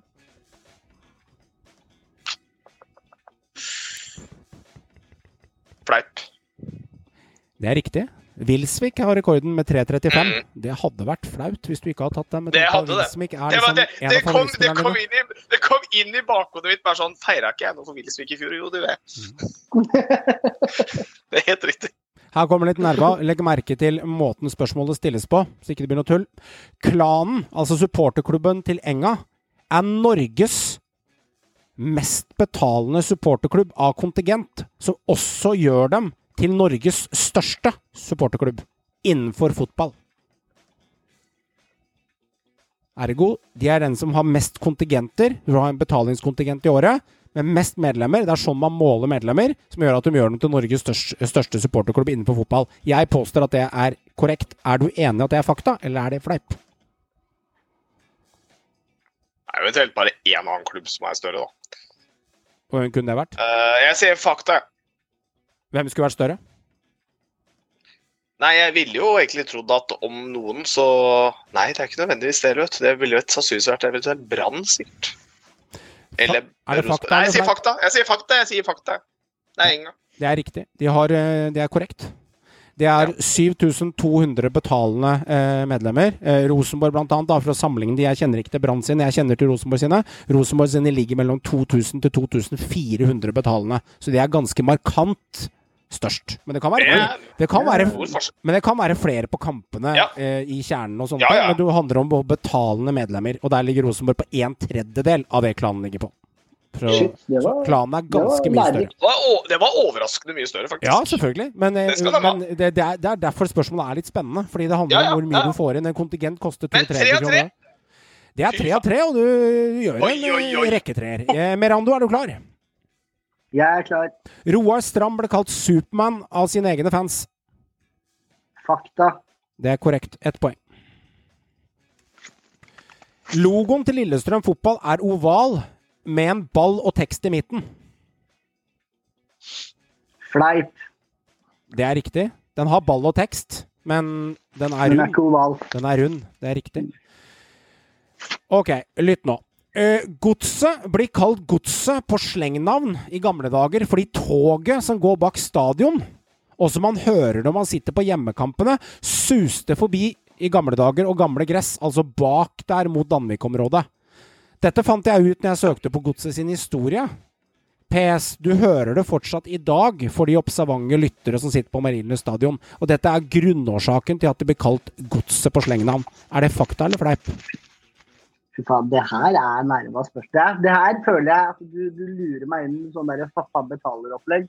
Men for meg så høres det så jævla logisk ut at jeg sier ja. Det her er, det her er, det her er fakta. Selv om det kanskje er fleip. Det er fleip. Ja. Det er flaut. Yes! Der føler at det var jeg, elsker, jeg elsker den. jeg, jeg lurer ut på, altså. Det Det var fint. Men det var jo bra, da! Det var jo Ja, det var bra fleip. Bra fleip. Altså, det var bra fleip, liksom. det er veldig enkelt. Grunnen til at godset ble kalt Godset, er for at det heter Strømsgodset. Det er forkortelse, det er ikke noe Ingenting med tog å gjøre. Du skjønte. Dumme Ja. drammensere. Jeg vil bare finner på Ja, er. Men det interessante er at de som er Strømsgodset-supportere der ute, og jeg har vært på Marienlyst på hjemmekamper, sikkert vært på 250 hjemmekamper med det i hele 90-tallet og opp igjennom fram til i dag. Det har jeg faktisk vært, tror jeg. Og det interessante er at du hører jo det toget enda bak, bak Ja klokka der, og det er en sjarm med det toget. Så du kan gå på linpinnen, og jeg syns det var sjarm at du gjorde det. Men du fikk to poeng mer, han. Ja. Håvard fikk ett fra den runden her, og Joakim fikk tre. Da spiller vi svar skyldig. Håvard, du er førstemann ut, og du kan få sortere én til fem poeng, Håvard. Og første ledetråd er bane. Hvor mange poeng satser du? To. To poeng. Eller setter igjen en toer der, så jeg slipper å spørre hver gang. Eh, hvor bred og hvor lang skal en internasjonal fotballbane være? Eh, den har et mål på seg, internasjonal fotballbane. Du er jo tross alt fotballsupporter, så dette antar jeg er plankekjøring. Eh, Nei. Nei. Men eh, den har et eh, mål, jeg kan si et mål. Et breddemål og et lengdemål. Så lenge du treffer innenfor det når du tipper nå, så er jeg noenlunde greit, hvis ikke du er helt på jordet. Så skal, Jeg, er, jeg har ikke peiling på det. du skjønner jo at ikke det er ti meter, så du er jo ikke helt på jordet. Altså, Åh, du må gi meg et hint der. For Nei, det gjør jeg ikke. eh, det gjør jeg Nei, ikke. Du har hint. på fotball Nei, nei, hele livet, du får ikke noe hint. Du har satsa to poeng, og ordet er ditt. eh, pass. Pass er ikke riktig. Du klarer jo cirka noe. Nei, jeg har ikke peiling. Er du redd for å drite deg ut nå hvis du skyter? Hu eh, jeg er så dårlig på sånt bredde og lengde. Tenk penislengde, og så legger du det opp med antall altså, Skal jeg tenke på din, da, eller? Ja, det er for et Ja. opplegg. For et opplegg. Men Håvard, eh, kan du ikke bare skyte ut, da? Hvor bred skal en fotballbane være, da?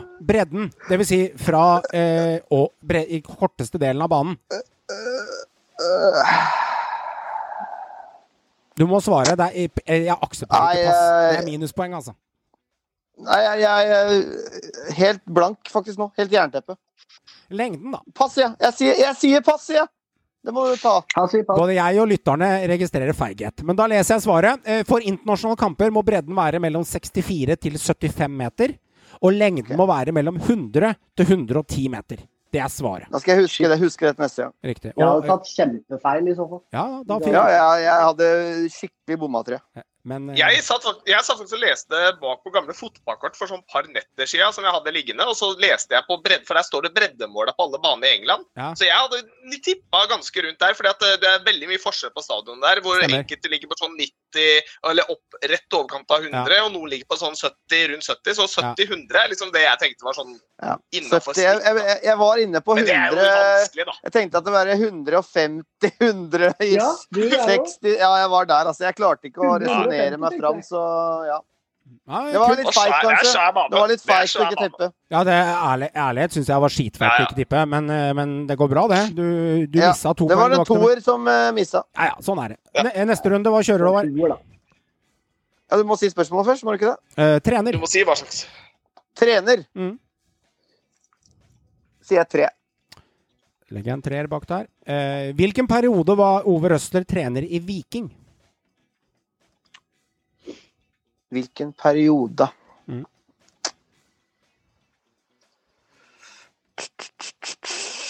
Hvor mange år, liksom? Ja, jeg skal ha en periode på eksempelvis fra 1995 til år 2000, selv om det ikke var det. Jeg vil ha en sånn periode. I dag, gutter, jeg må bare si på spørsmålene Forrige gang fikk dere fryktelig mye poeng. Jeg har skrudd til på spørsmålene. Ja, det merkes. Men det er likt for alle, så jeg venter et svar fra deg, min gode. Uh, 2006 eh,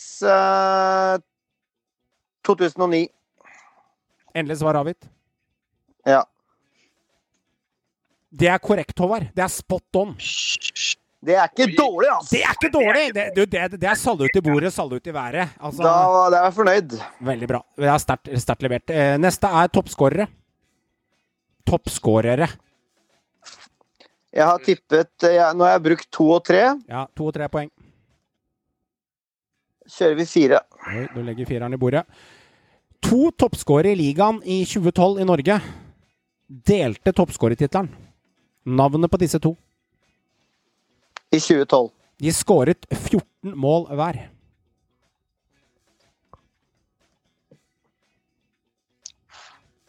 Du har fått Oi, oi. antall skåringer hver. Til sammen skåret de 28 mål. 14-14, men de delte toppskårertittelen. Det er sjelden man gjør i norsk fotball.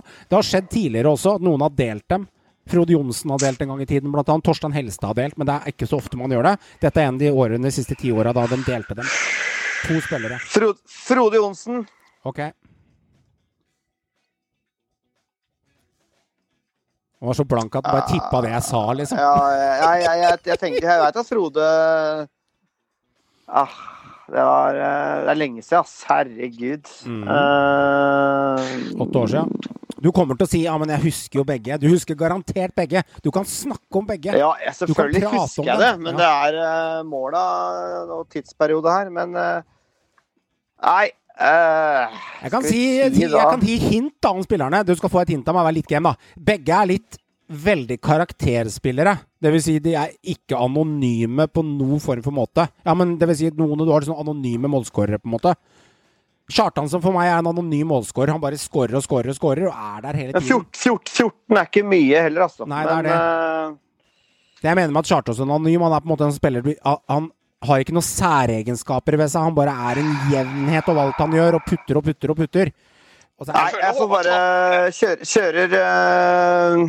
Bruker lang tid, Håvard. Du må kjøre nå. Ja, jeg vet det. Jeg vet det. Ja. Uh, sier Peter Kovacs. jeg. Jeg skal ha to spillere. Begge skåra 14 Pet- mål. Peter Kovacs, Frode Johnsen er garantert feil. Peter Kovacs er riktig på den ene.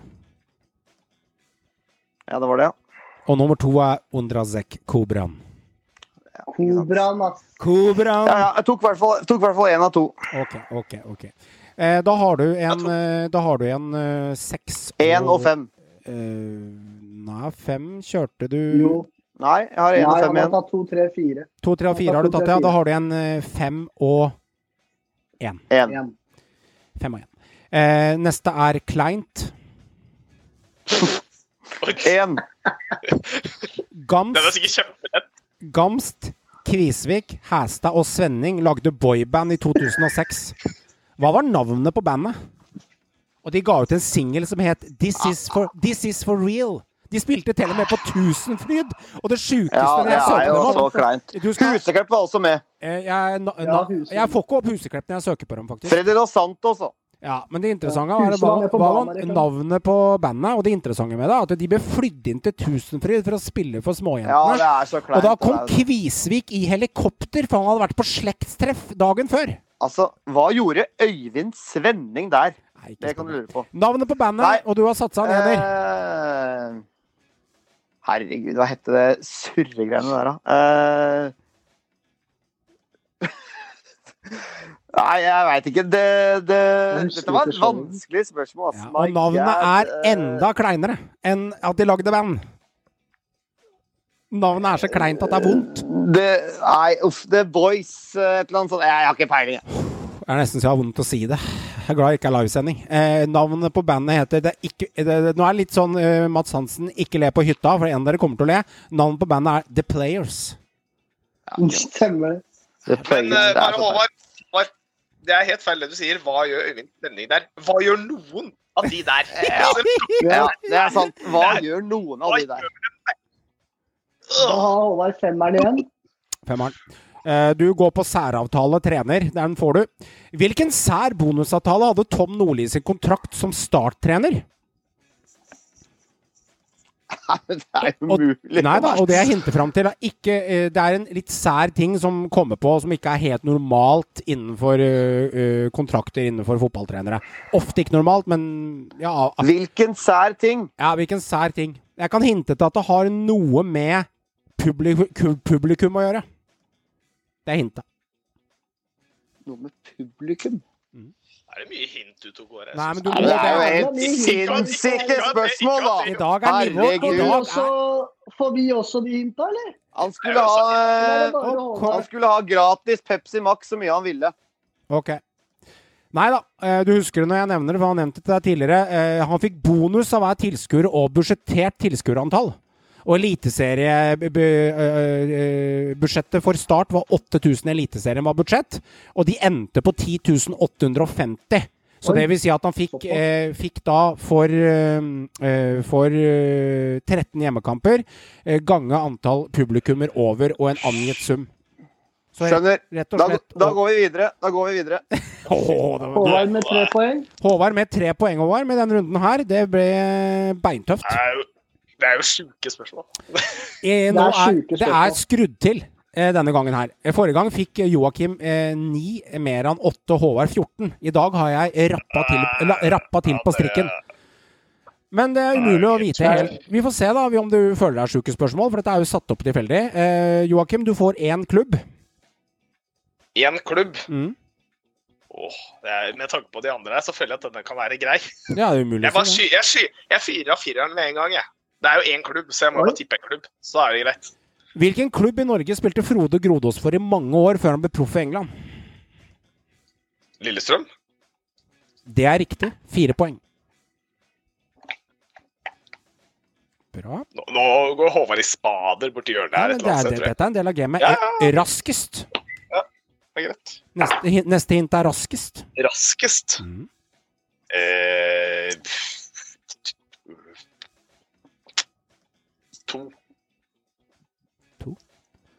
Hvem spiller har rekorden med raskeste mål i norsk fotball? Det skjedde i 2011, og 11 sekunder er det mål til.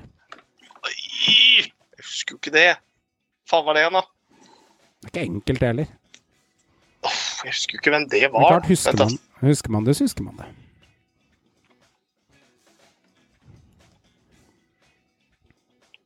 Elleve? Mm. Uh, har du gitt meg liksom hvem som skårte mål i elleve, så hadde jeg vært like ubrukelig der, liksom. Ja, det skjedde i Jeg Bare 2011. svare. Det er det raskeste målet, og jeg skal ha navnet på en, navnet på en spiller. Eh, Elleve Eh, Du har satsa to poeng. Uja. Uja. Det er feil. Ja. Brann-spiller Mjelde, Eirik Mjelde skåra det raskeste målet. Ja. Ja, ja, ja. Den ja. kunne jeg. Men det Ok, ok. Geografi. Og Hedmarken geografi, Raufoss HamKam. Jeg sier ikke mer. Vi har fått mye tyn for det. Og kjære lytter, eh, dere har rett alle sammen. Og vi legger oss langflate for forrige ukes geografitime. Eh, men vi prøver oss på en ny geografi! Og hintet til deg, Joakim. Hvor mange poeng satser du? Å, dette er så krise. Jeg har jo sett det. Jeg må si lista er lagt høyt på disse spørsmåla nå, altså. Ja da, men det skal være? Jeg gruer meg. Ok, Nei, ok. Jeg, må, jeg, må, jeg må ta fem, jeg. Du kjører Jeg- fem. Jeg, tå, tå, jeg mener jeg tåler gå på geografi, og så får jeg skyte meg selv i Det Du spørs hvor ræva han som er quizmaster Ja. til å skjønne hvor ting i Norge er, da. Det er det verste. Ja, det er et problem. Og så handler det om at Janna spiller rett annet Hvilken tre byer, som også er fotballag, tenker vi på når vi nevner følgende uttrykk om disse byene? Nordens Paris, Studentbyen og Bibelbeltet. Jeg skal ha tre lag. Tromsø, Trondheim og Kristiansund. Start, Rosenborg og Tromsø. Navnet på lagene er Start, Rosenborg og Tromsø. Rosenborg og Tromsø. Ja. Jeg skjønner ikke hva Kristiansund gjorde oppi her, men eh, greit. Men Nei, svaret Kristiansund. Ja, du sa Nei, jeg mener, jeg Kristiansund. Det er er Kristiansand, Mm. tror jeg sa. Ja, Nei, jeg mente Kristiansand. Legge... Start, Rosenborg. start Rosenborg og Tromsø. Tromsø er Nordens Paris. Rosenborg er studentenes by, vil jeg jo anta. Ok. Uh, uten å være sikker på det. Ja. Men, og bibelbeltet, det må jo være Start. Det er korrekt. Fem poeng. Åge Åleskjær. Da står du igjen med Du står igjen med én og tre, og jeg skal ha navnet på stadion. Ett eller tre poeng i bordet. Tre. Hva heter hjemmebanen til Moss fotball? Eller Moss? Åh! Å, det er sånn jeg burde vite. Mm. Um, vent da, nå må jeg tenke tilbake til Hva heter det?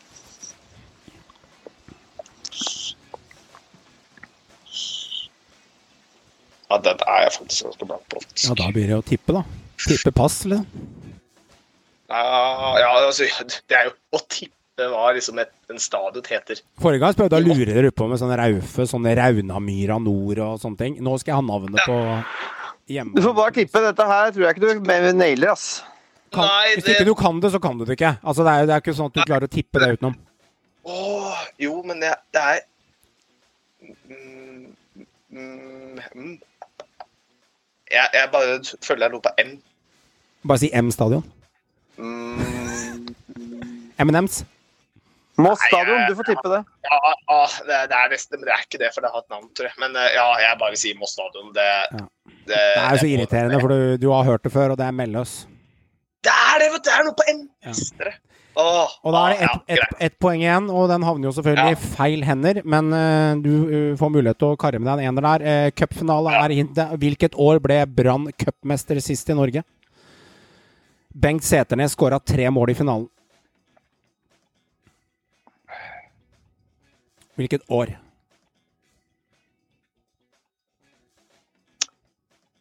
Det- Vi har vært borti cupfinale før òg. Der er ikke jeg god, så det er Ja greit. Eh, Brann. Brann. um, Mm. Nei. To det er- Quizen er lang i dag. Jeg merker at dere sliter litt. Ja, det, er... Gutta har vært treige i dag. Jeg skal komme med one-linere. er 2000. Skal gjøre, skal gjøre det på et minutt. Du mer han bare drunk, drunk, drunk, drunk. Ja. Rappapapapa. Skal gjøre rett unna. 2005. Endelig svar avgitt. Ja. Det er feil. Ah, 2004. Men du var ikke langt unna. Du var ikke langt Nei. unna, min venn. Men jeg er fornøyd. Jeg Du er drar, fornøyd deg, du drar med deg fem poeng på Bibelbeltet og Nordens Paris og studentbyen Trondheim. Og så drar du med deg fire poeng på Lillestrøm, så du drar ni poenger, da. Eh, så du kommer ikke så gærent ut av det. Du, du, du drar en fire og en femmer. det. Er sterkt, det. Meran, det er din tur. Eh, Ja. Hintet er eh, trenere. Starte med en eh, treer der, jeg. Start med en treer. To trenere eh, trente Rosenborg i 2010, en halv sesong hver. Navnet på disse to. Erik Hamren og eh, Henriksen. Endelig svar avgitt. Ja. Erik Hamren og Nils Arne Eggen. ja, for faen, det var Eggen! Ei! Den er sur. For meg er det alltid Henriksen over. Ja, da er du helt rett. Spiller. Eh, fire. Den havner kanskje i rette hender, vi får se. Nevn tre norske klubber i øverste divisjonene. Da mener jeg Eliteserien førstedivisjon, Eliteserien Tippeligaen Obos, de to øverste divisjonene. Petter Belsvik har spilt for utenom Stabæk. Jeg skal ha tre klubber. Eh, Molde Det spørsmålet har du faen meg fått før. Den har jeg fått før. Molde, Rosenborg og Lillestrøm. Det er riktig. Mange poeng satsa du? det har han fått før. Det visste, jeg visste ikke Jeg at han har fått det før. Vet du hvor mange spørsmål jeg har på lista mi? Jeg har ikke tenkt på det engang. Ja, ja, men det er tilfeldig, da. Tidligere quiz. Men det er bra. Mange, hvor mange var det du kjørte? Fire. Fire, ja. Fire poeng på deg. Den er godkjent. Eh, jeg tenkte ikke på at han hadde fått det før engang. Men da har han fått det før, og ok, fair enough. Vi har, vi har, husk på, vi har hatt quiz i 16 program. Vi har hatt over 300 spørsmål snart, så det er mulig at noen dukker opp. Stadion, eh, Meran. Jeg kjører en uh, kjør, Vet du hva, jeg kjører fem. Oi. Hva het Color Line Stadion før det navnet ble offisielt? Altså navnet på Color Line Stadion før det. Å, herregud. Det er selvfølgelig Ålesund. Den kan jeg også. Jeg fikk bare dritt, jeg. Den kan jeg faktisk ikke. Så Nei. det er hofta, og det er kjipt å gamble bort femmeren. Men da sier jeg eh, Ålesund stadion. Ok. Kråmyra Stadion. Fy faen. Fy faen. Ok, da står du igjen med to og én. Fy faen. Og da er det en liten luring, og det er uttrykk navn. To. To. Drillo er han kjent for, men hva er hans fulle navn? Egil Olsen. Endelig svar avgitt. Ja. Håvard, du kan si det, du, for jeg ser på smilet ditt. Egil Roger Olsen. Det er korrekt. To Jeg får poeng. for Egil Olsen. Nei. Nei, nei, Hva nei. er hans fulle Det er ikke fulle navn hans. Han er døpt Egil Roger Olsen. Null poeng, Merando. Dessverre. Fy faen. Ja, det er, that's life. That's Ja, ja, Fy faen. Det er ikke noe tull. Eh, da er det én igjen, og det er glemt spiller. Da blir det én, da. Nei, altså hintet er glemt spiller. Eh, per Egil Flo spiller i dag for hvilken klubb? Det er et godt spørsmål. Det er glemt spiller. Nettopp. Det er glemt spiller. Det er glemt spiller. Jeg eh, tror jeg kan den. Uh.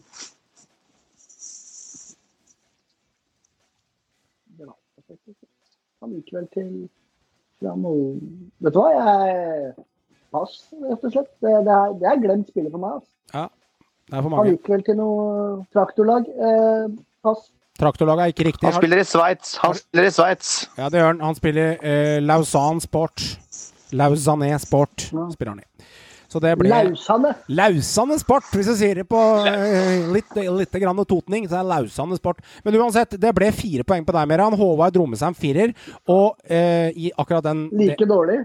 Ja, totalt her. Eh, den som er rundevinner her, er jo eh, eh, Joakim med tolv poeng. For han dro en femmer og en firer. Så det lager litt eh, ris i, vel, i, i vellinga, dette her da, gutter. Jeg må si at nå jevner det seg litt grann mer ut her, faktisk. Lite grann. Eh, Vei i vellinga, heter det. Nei, ris i vellinga, vil jeg si. Håvard, vi må i hardtrening, jeg og du, Håvard. Vi, vi er endte med seks poeng. jeg. Ja, Herregud, totalt. Hvor mye ble det totalt eh, på meg i dag, da? Med fire og Du endte med Håvard fikk en treer og en ener. Du fikk ett poeng på fleip eller fakta. Og så fikk du en treer på Ove Røsler på trener. På hvilken periode? Den var sterk. Det var voldsomt sterk. Joakim dro, sterk. Joakim dro eh, tre på fleip eller fakta. Meran dro to. Men uh, Meran dro kun en firer. Men det var ikke så veldig stor forskjell. Det var bare hvor mye du gambler. Joakim traff ikke så veldig mye mer, men han traff en femmer vet du, på gamblinga si. Nei, det var, eh, det var eh, vanskelig. Og Ja. mye sånn eh, mye, rart, mye rart, men eh, vanskelig. Skal være litt røft noen ganger. Sånn skal det være. Eh, Det, dessverre, gutter. Sånn ble det. Men det jevner seg litt ut. Og Håvard tror jeg kanskje akkurat er ledelsen enda. Men Joakim, du er ikke helt uh, lesset av det her, altså. Det er bra, Joakim. Det er bra. Henger på. Ja, henger på, henger på. Henger på. Det er spenning. Spenning framover. Måtte skru opp nivået litt. Grann. Eh, Håvard Brann eh, de har vært, eh, vært litt ute og prata litt grann sladder i media. Litt prat om hva Lise Klavenes dukker litt opp som en dark horse fra sida. Når jeg tenker på henne, nå snakker vi til sportslig lederjobben etter Soltvetten Når jeg tenker på henne, tenker jeg på veldig ryddig over kanten. Faglig veldig, veldig sterk faglig innafor felt jurist, advokat og ryddige papirer. Men eh, hvor god sportsdirektør, sportslig leder, kan hun eventuelt være for en fotballklubb? Og er det riktig dame til riktig plass? Altså, Lise Klavenes har jo en toppjobb i uh, NFF. Hun har også en lang spillererfaring både uh, på landslag og, og klubbfotball. Så, så den eh, s- sportslige kompetansen hennes, og også at hun er en meget skarp og ryddig dame som har, er høyt utdanna, Eh, Så, så der er ikke noe, noe dårlige kvalifikasjoner. Men, men hun har aldri drevet med kjøp og salg av spillere. Hun har aldri eh, jobbet i klubb og drevet med den type arbeid. Så det føler jeg på mange måter taler litt mot henne. Men selvfølgelig, i et sånt team da, som det er å hente spillere og, og, og ha en, en sportslig leder, en sportssjefstilling, så, så er det jo selvfølgelig flere om beinet der. Så det er ikke noe tvil om at Lise Klaveness er en, er en uh, dyktig dame som, som kan fotball, og som også er en god leder.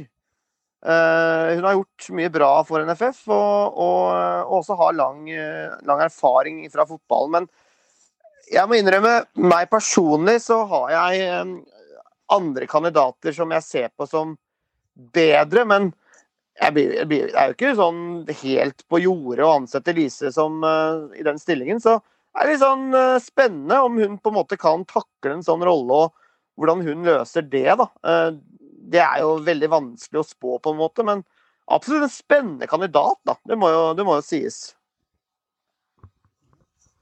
Jeg tenkte vel kanskje eh, Altså, hun, hun høres jo egentlig det første jeg hører over, at hun høres nesten overkvalifisert ut. Men når man begynner virkelig å tenke Ja. på Når man, når man plutselig begynner å tenke på det, så tenker man jo kanskje er hun i, Altså, har hun kontroll på sportsdelen? Eller er hun bare en fryktelig god daglig leder, eh, Tove Mo Dyrhaug i Rosenborg-opplegg? At det kunne vært en sånn type skikkelse, og det er feil rolle med han. Eh, men Ja. klart, når da begynner å diskutere sånne navn, så føler jeg jo at Brann begynner å lukte på en veldig seriøs hylle. Dette er jo ikke noe, dette er jo ikke noe cowboy, dette er en meget respektabel dame. Hun har toppjobb ja. i NFF, liksom. Så ja. Det er nettopp det. For jeg, jeg også tror at dette her er egentlig for par hyller for høyt for Brann. For jeg mener jo at altså, Jeg ser ikke på Lise Klaveness som en sportsdirektør. Jeg ser på hun som en framtidig altså, Litt sånn oppi huet mitt at vi burde ha en idrettsminister i landet som Og jeg mener at det bør være Lise Klaveness.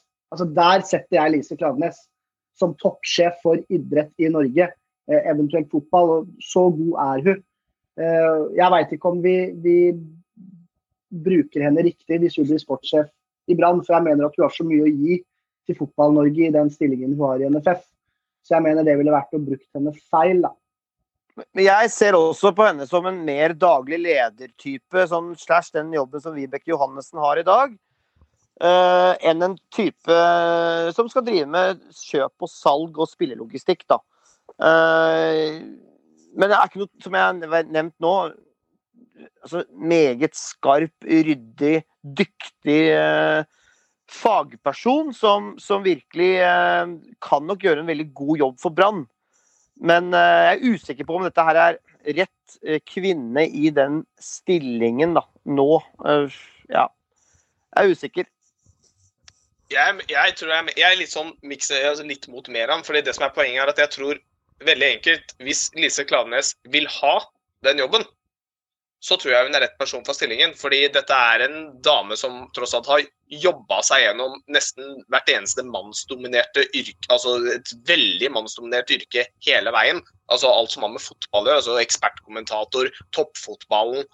Uh, altså det er Så jeg tenker mer sånn Altså Hvis hun vil ha jobben, så mener hun at hun er kompetent til å klare det. Og hvis hun mener hun er kompetent til å klare det, så tror jeg Brann det er bare å ansette. Men Mm. jeg er også litt på der som deg, Håvard. Jeg er ikke helt sikker på om dette nødvendigvis er noe Lise Klaveness tenker at det er her jeg hører til.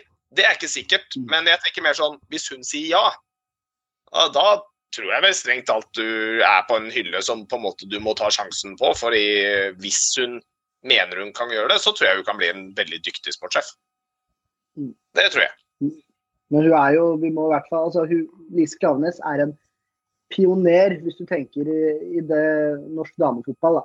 Og, og den jobben hun gjør for NFF, den er så vill. Og den er så avhengig av hun der. Og det hun har gjort Ja. for fotballen da, de siste, Ja. siste året, er så fenomenalt. Så jeg håper egentlig hun blir i den stillingen. For jeg, endelig så har jeg begynt å like litt av den jobben NFF gjør. Og det er pga. Lise Klaveness. Jeg håper for guds skyld ikke hun forlater den posten der. Med mindre det ikke er det, for noe større. ja, ikke sant? Og det er hovedpoenget. Hvorfor skal hun gå til Brann? Er direktør i norsk Ja. fotball, liksom. Hvorfor? Altså, det er jo ikke noe grunn. Ja, ikke norsk torsk, NFF, det er viktig å ikke blande. En NFF, ikke norsk Ja. NFF. Nei, ja, NFF. Eh, men eh, jeg tror også det at det skal bli svært vanskelig for Brann. Hun har ny- hun har ikke vært i den jobben så lenge heller.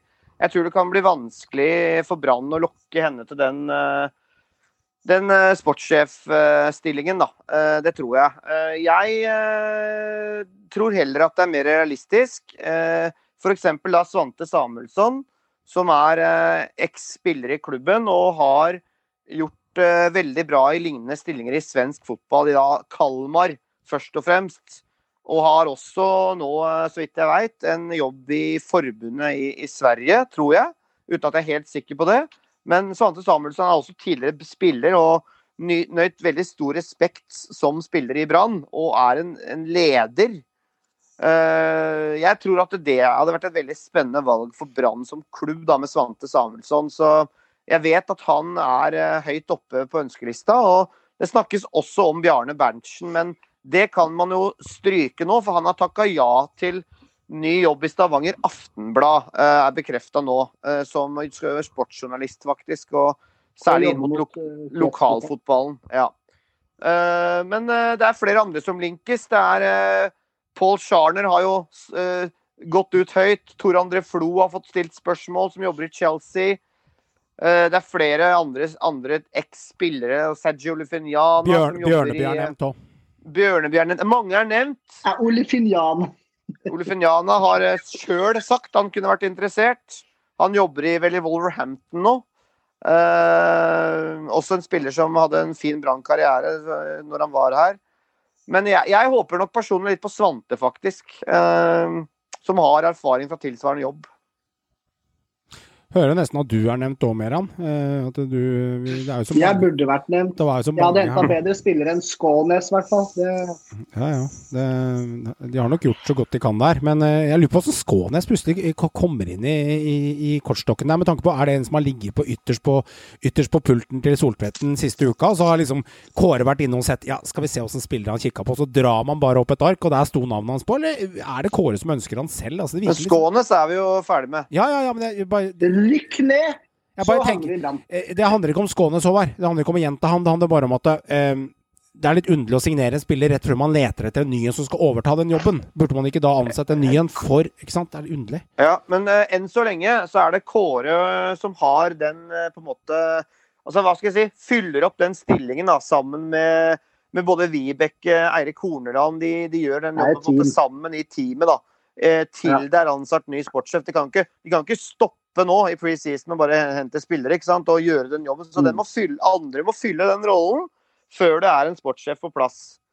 Og da er det da eh, Kåre som selvfølgelig har erfaring eh, fra den eh, rollen litt tidligere på, på mange måter. og så det, er, det blir fylt opp internt. da. Per Ove Ludvigsen er sikkert inne og jobber litt der, uten at jeg vet det. Men det er flere som, som jobber i det teamet rundt sport nå, da. Så vi får se. Men det er jo ikke noe tvil om at det er jo en attraktiv jobb. Det er en stor klubb i Norge, Det er det. fi- fin by å bo i. Så mange som ønsker en sånn eh, type stilling, så er jeg veldig veldig spent på hvor Brann lander, altså. Personlig, hvis jeg Altså, jeg skjønner at faget eh, fotball og eh, kontaktene tar mye å si, men eh, en person jeg tenker jeg hadde lyst til å sette i den rollen her, er egentlig Tore André Flo, kanskje. At det har vært en Mm. fin type. Han han er likandes kar, han har en høy stjerne i byen, han har bra kontaktnett, antar jeg at han har, jeg vet ikke. Veldig bra. Ja, veldig, veldig bra. Eh, Jostein Flo blant annet har jo vist i Drammen at han har prestert jobben sin i mange mange år. Han kan være en eh, type da, som kan sitte i den stolen veldig lenge. Eh, en, en type som på en måte ikke driter seg ut heller i stillingen og gjør sånne litt ortodokse feil. og så. Jeg, jeg syns han kunne vært en spennende type. Lise Klavenes høres jo egentlig overkvalifisert ut, men spørsmålet er om hun er overkvalifisert på andre punkter enn den jobben hun egentlig skal utføre. Eh, For det er først og fremst kjøp og salg, tross alt. Selvfølgelig. Og litt, og litt kontaktnett innenfor fotball og sånn. Det handler litt om andre kontaktnetter enn bare lover og regler. Eh, Så derfor så blir jeg litt sånn Tor André Flo kunne vært en fin type. Eh, Sting Bjørneby, eh, nei takk. Eh, Ikke min største favoritt. Jeg skal se, med, se det med bra, et faka brannhjerte. Så ville jeg ikke sett han den stillingen. Jeg tror kanskje at ikke han hadde gjort den jobben så godt. I Rosenborg hadde han litt friere tøyle med penger og sånn.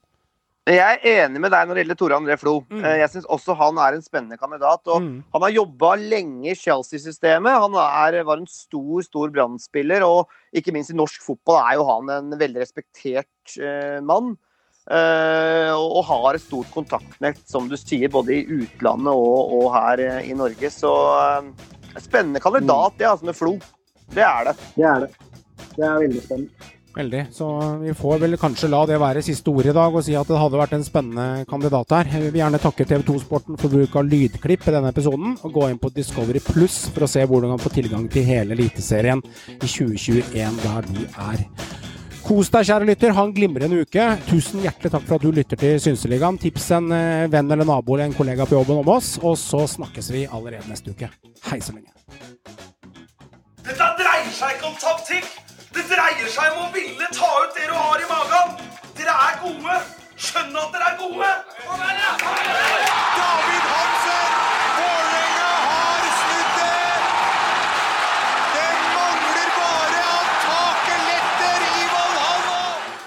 Var det er 4-1!